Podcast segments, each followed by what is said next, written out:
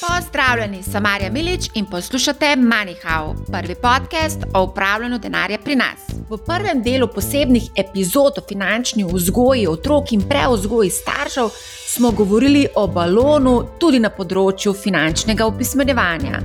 V drugem delu pa kako se začne finančno izobraževanje doma, za zaprtimi vrati, že v zibki in kako moramo poskrbeti tudi starši za lastno preuzgojo. V tretjem delu pa bomo govorili o tem, kako predajati finančno znanje otrokom in kako si lahko pri tem pomagamo z različnimi pripomočki. Poslušajte do konca, ker boste slišali stvari, o katerih se ne govori veliko. Pravzaprav se ne govori. Spoznali boste, zakaj je ali bo virtualna valuta valuta prihodnosti za vaše otroke kako se spremenja otroke v ambasadorje produktov, kako otroci spoznavajo svet financ, pa tega sploh niti ne vedo. Pa se lotimo te naloge počasi in po vrsti. Kako torej predati finančno znanje otrokom? V prvi vrsti tako, da kot starš moramo to znanje tudi imeti. Vem, številni starši boste na tej točki rekli, da to znanje pri vas malce peša, ampak ne obupajte na tej točki. Vzemimo en primer. Če želimo otroke recimo naučiti smučati, nas more to kot starša v prvi vrsti zanimati. In otroka moramo nad tem navdušiti in mu potem seveda tudi pokazati, kako se smuča. Ni potrebno biti profesionalec, dovolj je, če poznamo osnove. Podobno je tudi pri financah. Če poznamo osnove, torej gospodinske finance, prihodki, stroški, davki, planiranje, potem se šola lahko začne. Seveda bi poudarila, da je to znanje gospodinskih financ premalo, potrebna je nadgradnja in sicer manjka pomemben del, to je investiranje, a o tem bomo malce več kasneje povedali. Kdaj je pravzaprav pravi čas, da otroku predstavimo svet financ? Odgovor je zelo preprost: takrat, ko bo na to pripravljen. Poglejmo en praktičen primer. Otrok, da nima shodi ali spregovori, ko je pripravljen in nič prej, pogosto starše preseneti s prvimi koraki oziroma s prvimi besedami. Naloga starša je, da mu takrat stoji ob strani in da ga podpre, ko je to potrebno. Tu se ne da stvari prisiliti ali pa sforsirati, zato imejte enak odnos tudi do učenja financ. Torej, prvi korak finančne vzgoje je definitivno ta, da spodbujamo zgledom, drugi korak pa je naš angažma, ko otrok pokaže voljo. V prejšnji epizodi sem povedala, da starši v svet financ nekako otroke zvlečemo, že ko mu prvič preberemo pravljico, v kateri se prikazuje bogate plemiče in revne podložnike. Mogoče bo takrat vaš otrok dovolj radoveden, da vpraša, zakaj je plemič bogat, odkot bo denar, zakaj mora pepelka delati, njene grde sestre pa ne. Lahko pa se zgodi, da mu ta vprašanja ne bodo švignila skozi glavo. To je seveda odvisno od otroka, vendar starši na tej točki ne bi smeli vreči puške v koruzo, pač pa mu vrzite kost, pa boste videli, če bo zagrabil. Debata o pravljici bo vsekakor zelo zanimiva, Za starše se otroci gledajo na to s popolnoma drugačnimi očmi kot starši. Druga priložnost za starše, da predstavijo otroku svet financ, se pokaže praviloma v trgovini. Recimo, da si ogledujemo na polici igračko, ki stane 5 evrov, in igračko, ki stane 15 evrov. Kakšne so razlike? Zakaj ena igračka stane 5 evrov, druga 15 evrov? In zakaj naš otrok hoče ravno tisto, ki stane 15 evrov? Je res toliko boljša kot tri različne igrače za 5 evrov? Kaj vse lahko kupi otrok za 15 evrov? No, odgovori na ta vprašanja so lahko tudi malce bolj zapletena, lahko pač je otroku igračka enostavno všeč, mu zgleda kul, cool, je večja od ostalih igrač, mogoče se dobro počuti, ko ima igračko v roki. Pogosteje kot to pa je to, da je otrok igračko nekje že videl, torej v oglasu na televiziji, ali še pogosteje, videl jo je pri vrstniku in si jo zato želi imeti. Zapomnite si, otroci so najboljši promotori igrač. Če trgovcu uspe prepričati manjši krok otrok, se lahko zgodi viralnost in naši malčki postanejo pravi ambasadorji. Ste opazili kakšno podobnost z odraslim svetom? Se spomnite fidget spinnerjev, ki so obsedli ne le naše otroke, pač pa tudi odrasle? Šlo je za trend, viralno zgodbo. Vsak otrok je želel imeti to vrtavko, pa ne samo to. Želeli so se razlikovati od svojih prijateljev.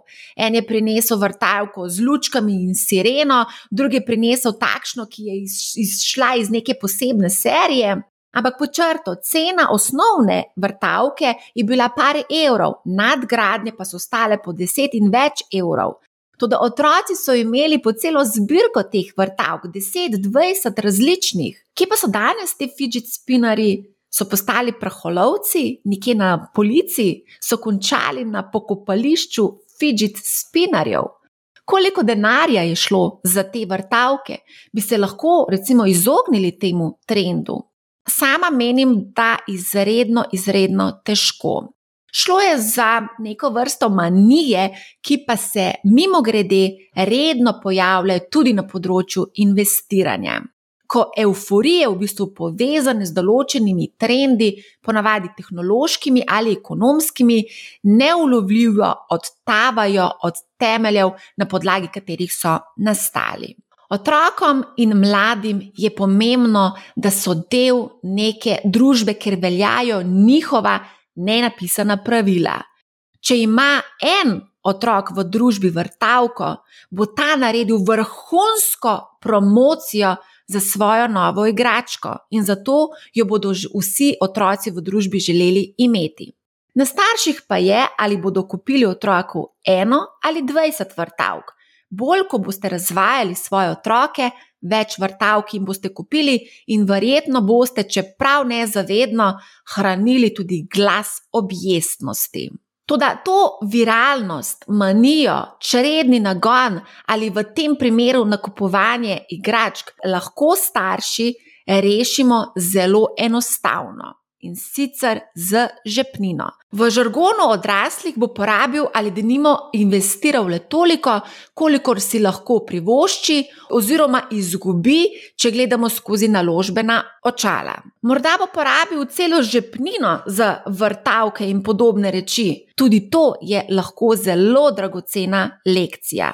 Ne more se zadolžiti, banka mu ne bo dala posojila, razen seveda, če je banka babica. Zato je tudi babicam in detkom potrebno omejiti posojilodajalske aktivnosti, saj to je edina vrsta bank na svetu, ki je pripravljena neprestano kreditirati v narekovajih, seveda, problematične komitente. Viralnost, FOMO, fear of missing out, trošenje, iskanje zunanjih virov financiranja, torej pri babicah in detkih. Vas to morda spominja na svet odraslih? No, v takšnem svetu odraščajo tudi naši otroci, tudi najmlajši. Zato se je potrebno že zelo zgodaj prilagoditi času in posodobiti tudi naše učne strategije. Prvi učni pripomoček za učenje otrok o upravljanju denarja je pravzaprav denar. Najprej morajo spoznati vrednost denarja, kaj lahko kupijo z denarjem, kaj denar omogoča in česa z denarjem ne moremo kupiti. Recimo, štiriletniku damo 2 evra, da v pekarni kupi neko pecivo. To je zelo, zelo pomembna lekcija. To je pravzaprav prvi korak na poti k samostojnosti, se ko boste otroku izročili denar, bo njegova samozavest zrasla, saj ste mu dali svobodo. Denar mu namreč daje svobodo za samostojno sprejemanje odločitev. To velja tudi v svetu odraslih. Ker pa je ponavadi količina denarja omejena tudi v življenju nasploh, bo tudi otrok kmalo spoznal, da vsega z dvema evroma ne more kupiti. Da nima mermeladni rogliček stane 2 evra, čokoladni buhtelj pa 3. In kaj storiti, če si zaželi čokoladnega? Pozor, tu se skriva pomembna lekcija za starše. Otrok, ki si bo zaželel buhtelj čokoladni, ne bo imel dovolj denarja. Mama bo verjetno v tistem trenutku v zadregi hitela odpirati denarnico in bo želela pokriti razliko, misleč, ah, vse gre samo za en evro. Pa ne gre samo za en evro, pač pa gre za tretjino zneska. Toda kot starš, ki otroka financira, ne sme pozabiti, da je pred pekarno otroka omejil z dvema evroma, tako kot je delodajalec s plačo omejil nas, starše. In tu se skriva pomembna lekcija vrčevanja. Otroku lahko pojasnimo, da lahko kupi seveda rogliček za 2 evra ali pa denar privrčuje in jutri, ko bo dobil še 2 evra, kupi buhtar in mu celo ostane evro. To so lahko prve lekcije kratkoročnega vrčevanja. Vrčevanje ni nič drugega kot odložen nakup v prihodnosti. Zapomnimo si to tudi odrasli. S takšnimi manevri učimo otroke tudi tega, da vsega ne morejo dobiti v tistem hipu, ko si seveda to zaželijo. Učimo jih sprejemati pomembne odločitve razporejanja denarja v času, dejansko tudi načrtovanja denarnih tokov. Otrok se lahko uči upravljanja z denarjem le tako, da mu ga damo. Torej, če vaš otrok nima žepnine, razmislite o tem, da bi mu jo dali. To je tako, kot bi otroka želeli učiti voziti kolo brez kolesa. Teorijo si nihče ne zapomne, prakso pa. Žepnina je vadbeni denar in najbolj pomembno orodje pri učenju upravljanja denarja. Svet financ pa lahko otrokom približate tudi s pomočjo družabnih iger in računalniških igric. Recimo Monopoly je odlična igra za spoznavanje vrednosti premoženja. Zakaj sta recimo Portorož in Piran več vredni od Jahorine? Tu lahko otroku pojasnimo, da pri nepremičninah najbolj velja eno pravilo: lokacija, lokacija, lokacija. Bolj ko je privlačna lokacija, bolj vredna oziroma dražja bo tudi sama nepremičnina. V igri otroci spoznavajo tudi koncept najemnin oziroma denarnega toka naložb. Da pa ne bankrotiraš, lahko seveda tudi prodaš premoženje in pokriješ dolg. V igri spoznaš tudi koncept davka na premoženje, plačevanje cestnin, koncept dražb, nepredvidenih dogodkov, ki te udarijo po denarnici in tako dalje. Otroka lahko tudi tu naučimo o varnostni rezervi za pokritje teh nepredvidenih izdatkov. Teh je v življenju precej. Monopoli je v bistvu igra, ki je doživela največ posodobitev v skladu s časom, v katerem živimo. Recimo, otroci lahko v eni od verzij poslujejo tudi z bančno kartico in sicer v igri Monopoly Ultimativno bančništvo. Še zlasti mlajšim bo ta igra precej bolj všeč kot verzija z gotovino, saj imajo kartico in post terminal, ki utripa in oddaja zvoke. Oba moja otroka sta s celo družino igrala več verzij te igre. Starejšim smo več igrali Monopoly z gotovino, z mlajšim pa s kartico. Med njima pa je tudi sicer opazna razlika v rokovanju z denarjem. Starejšemu je ljubša gotovina, mlajšemu pa kartica. Verjetno sem tudi na mlajšega sama precej vplivala, se z gotovino ne poslujem že skoraj deset let. Starše spodbujam tudi k temu, da otroku odprejo bančni račun, glede na to, da se je v času korona krize spodbujalo brezgotovinsko poslovanje in glede na pobude po digitalnem evru, je prav, da otroke navajamo tudi na plačevanje s kartico. Poleg tega ima otrok denar na enem mestu, s tem pa se izogne tudi temu, da bi denar izgubil, uničil, zmečkal ali karkoli. To se pri otrocih kar precej pogosto dogaja. Sama sem denar našla zatlačenega praktično že na vseh možnih mestih. Na drugi strani pa imamo preko kartice kot starš tudi možnost upogleda v poslovanje otroka in pa v njegove denarne rezerve. Sčasoma se ob razvoju dobrih navad začne denar nabirati in skozi leta zneski, če ste razvili dobre navade, niso več zanemrljivi. Marsikomu se bo morda zdelo to preveč ekstremno, to da časi so se spremenili in ko bodo naši otroci odrasli, bo gotovina mogoče že preteklost. Denimo, sama sem podarila otroku, starejšemu otroku, tudi debetno kartico Nemške digitalne banke, ki omogoča tudi nakupe preko spleta in mu dala še malce več svobode. Seveda je vsak njegov nakup premišljen in tudi nadzorovan. Mislim, da je bil tega darila doslej še najbolj vesel. Omenila bi tukaj še Moniko, ki me spremlja tudi na mojem LinkedIn profilu in jo tudi zdaj, seveda, lepo pozdravljam. Ob moji objavi, kjer sem napisala, da poslujem že deset let brezgotovinsko, je zapisala, da se ji to zdi zastrašujoče in da z gotovino ustvarimo boljši odnos do denarja. Kot sem omenila že v prejšnji epizodi, naš odnos do denarja ni povezan s tem, ali poslujemo z gotovino ali s kartico, pač pa s tem, kakšni so naši finančni temelji. Ok, gremo naprej. Še ena igra je, ki je lahko za mlade precej poučna, to je poker. Tudi tu lahko, tako kot pri monopoliju, okusijo po hleb in se srečajo s tveganji izgube vsega.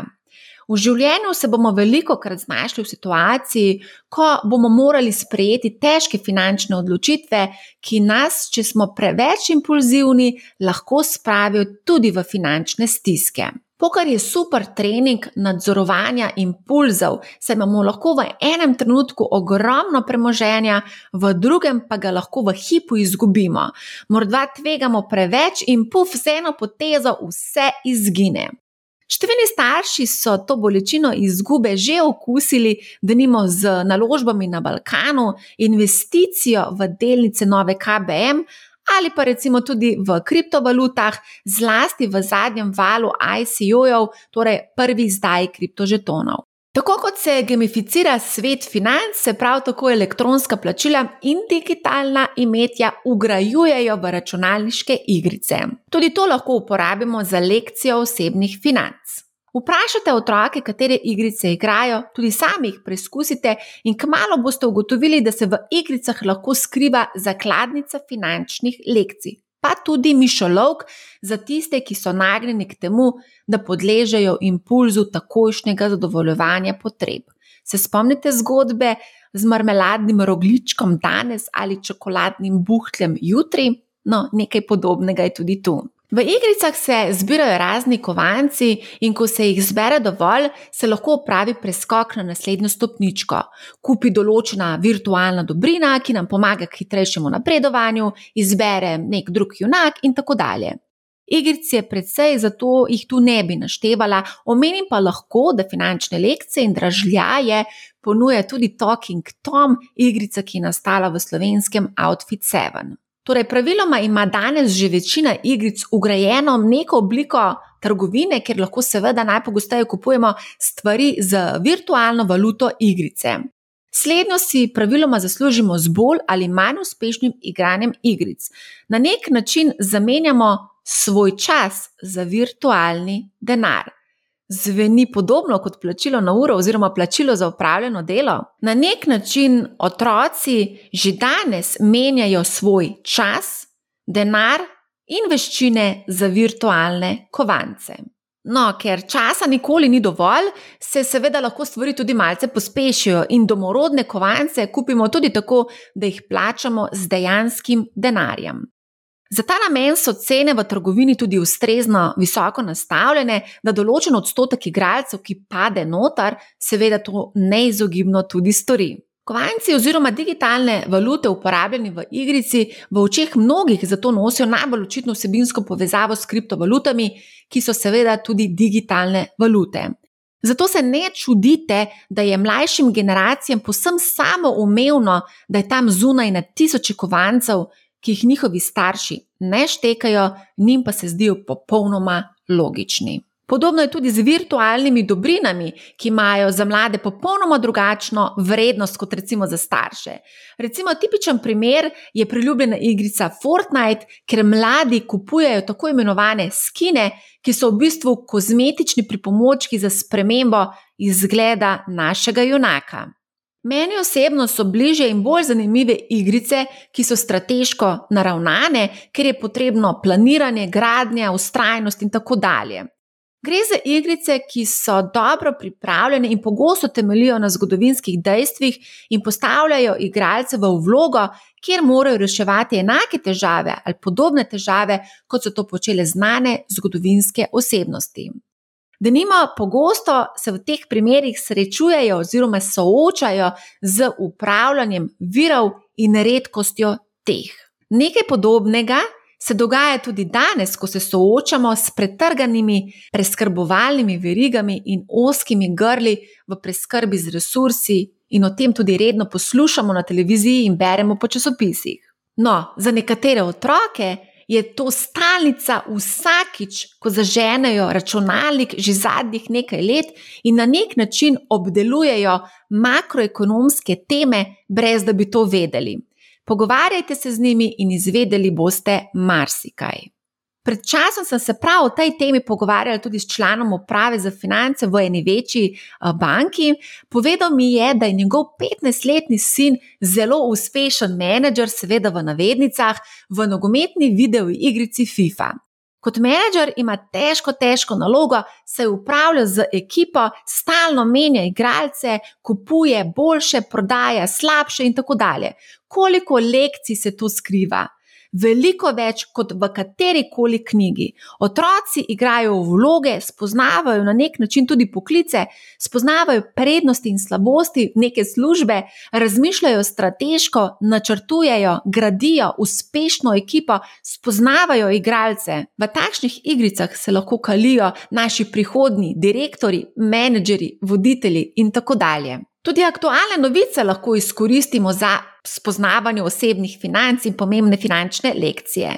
Prej smo omenjali dobavne verige, omenimo pa recimo še mrk Facebooka, ki se bo mimo grede preimenoval v Meta. Vsak lahko postane v bistvu lastnik Facebooka, saj delnica je uvrščena na borzi, mrk oziroma obtožbe žvižgačice, da Facebook v ospredje postavlja dobiček pred zdravjem ljudi eh, ter da manipulira z algoritmi, pa je seveda vplival tudi na vrednost delnice, saj je ta upadla za 5 odstotkov.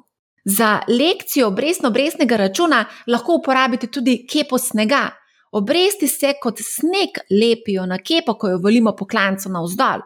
Več časa valimo kepo po klancu navzdol, večja bo kepa ob vznožju. Lekcija se skriva tudi v valjenju kepe v klanec, s tem pokažemo koncept zadolževanja. Dalj časa valimo kepo v klanec, torej daljša kot je ročnost posojila, več bomo zaradi obresti dolžni banki. Plačilo davka lahko razložimo enostavno tako, da otroku damo čokolado ali sladoled in odškrtnemo, odgriznemo en konček. Del vedno vzame država, samo pogledajte na račun, koliko davka je plačal vaš otrok ob nakupu igračke. Ne samo, da se naši otroci v zgodnem otroštvu igrajo s plastelinom, ampak so kot iz plastelina tudi sami, kar pomeni, da se v luči uporabe sodobne tehnologije lahko celo samo preuzgojijo. Starejši, kot so, več finančnih lekcij lahko dobijo tudi na družbenih omrežjih, pa v debati med vrstniki. Zelo, zelo pomembni so tu influencerji oziroma vplivneži. Mladi jih namreč celo bolj upoštevajo kot same starše zelo pomembno vlogo imajo pri oblikovanju njihovih eh, mnen in stališč, zato preverite, katerim influencerjem sledijo vaši otroci. V zadnjih desetih letih sem spoznala vse sorte mladih, od takih, ki jih finance sploh ne zanimajo, do takšnih, ki so čist noter. Tudi nekaj mojih učencev, recimo danes posluša Manihau, so se mi že javili in povedali, da poslušajo, tako da jih tudi lepo pozdravljam. Največja dodana vrednost je odkrit pogovor z otroki. Če jih znaš vprašati na pravi način, ti povedo izredno veliko zanimivih stvari. Tudi sami se na tak način učimo. To je nekaj neprecenljivega. Vsakič znova izvem nekaj novega. Zavedati se moramo, da se bo svet drastično spremenil, ko bodo naši otroci odraščali se odraščajo v popolnoma drugačnem, bolj digitaliziranem svetu. Soočajo se s pravo hiperinflacijo informacij, poplavo fake novic, bombardiranjem z oglasi, da se ti zmeša. To, da ne podcenjujemo otrok. Spoznala sem, da nimo 12-letnike, ki investirajo v kriptovalute. Starš oče konkretno jim je odprl račun, sami pa potem kupujejo, prodajajo kriptovalute. Ne moram podariti, koliko pomembnih lekcij bodo ti mladi spoznali preko tega trgovanja. Zato, če vaš otrok želi trgovati, mu to omogočite in ga seveda spodbujajte in nadzorujte. Lahko se tudi poigrate z raznimi virtualnimi borzami, ki delujejo v resničnem času. Vtipkajte v Google Virtual Stock Exchange in boste našli cel kup brezplačnih verzij. Podobno kot v igrici spoznavajo lahko preko tega tudi koncepte investiranja. Če ne razumete vsega, poiščite pojasnila na Investopediji, tam so stvari predstavljene neodvisno. Če ne razumete dobro angleščine, uporabite Google Translate. Pri nas nisem zaznala neodvisno pripravljenih to vrstnih vsebin, vedno so v zadju neki interesi. Zato pojdite na Investopedijo. Poznala sem tudi nekaj najstnikov, konkretno 17-letnikov, ki so mi povedali, da namesto staršev trgujejo oziroma investirajo. Starši so jim odprli račun, dali nekaj tisočakov in prepustili investiranje otroku. Konkretno en primer bom izpostavila. En fan, konkretno 17-letni, je kupoval za starše in tudi za sebe ETF-e, torej sklade, ki kotirajo na borzi. Seveda sem takoj preverila portfelj naložb iz radovednosti, ne. kupil je recimo eh, globalno razpršene sklade, dodal pa je tudi nekaj nišnih, recimo z področja zdravstva, predvsem biotehnologije. No, ta najstnik vloži veliko časa v spremljanju aktualnih novic, predvsem v tujih medijih, ki pri nas takšne vsebine ne boste našli. Pridobiva izredno veliko uh, informacij, znanj, izkušenj in to mu seveda lahko vse koristi pri upravljanju lastnega premoženja in pa seveda tudi v poslu, v priskanju službe. Morda se bodo nekateri starši na tej točki zgražali, a opažam že dalj časa tudi to, da če dalje več staršev prosi svoje otroke za pomoč pri kupovanju raznih elektronskih naprav recimo računalnikov, telefonov, celo avtomobilov. Zato nisem presenečena, da prosijo za pomoč tudi svoje otroke pri pojasnjevanju določenih finančnih vsebin, oziroma kaj, recimo konkretno, kaj je kriptovaluta. In me ne preseneča, da nekateri starši, spoh če vidijo pri otroku, da kaže neko zanimanje za neke finančne tematike, da nekako malce preložijo to odgovornost na otroka. Svet se spremenja z nevrjetno hitrostjo, in marsikateri starši so ostali malce za časom in, in se težko znajdejo v tem novem okolju.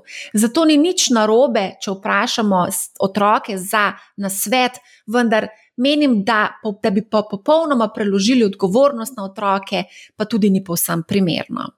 Za zaključek bi rada še enkrat podarila: otroke lahko učimo upravljati denarja le tako, da jim seveda damo denar. Torej, če vaš otrok nima žepnine, razmislite o tem, da bi mu dali žepnino.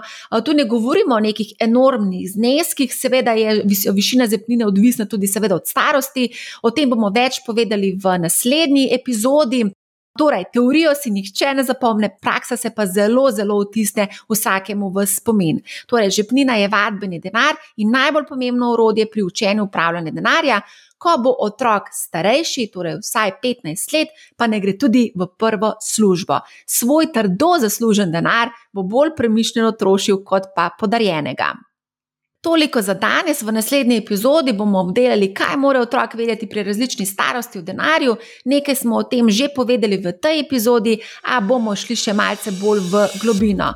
Morda bodo te lekcije prav prišle tudi staršem, ki šele spoznavajo svet financ. Zato, če menite, da bi vsebina lahko komorkoli koristila vašim prijateljem, znancem, kolegom, sorodnikom, babici, detku, stricu, teti, sosedu, učitelju, ravnatelju, prosim, dajte deliti manjhav naprej. Če imate kakršno koli vprašanje, mi pišite preko katerega od družbenih omrežij ali na marja.afnabusinessspace.com. Spremljajte MoneyHow na vseh kanalih, podcast lahko poslušate na Apple Podcast, Spotify, Google Podcast, Castbox in drugih številnih podcast platformah. Podcast MoneyHow lahko gledate tudi na YouTube kanalu Marja Milič, tudi na TikToku smo prisotni pod MoneyHow. Naročite se na e-pismo eh, na spletni strani businessspace.com. Toliko za danes, želim vam lep dan, lep večer, kjerkoli ste, poslušajte Manihau, ne bo vam žal in lep pozdrav!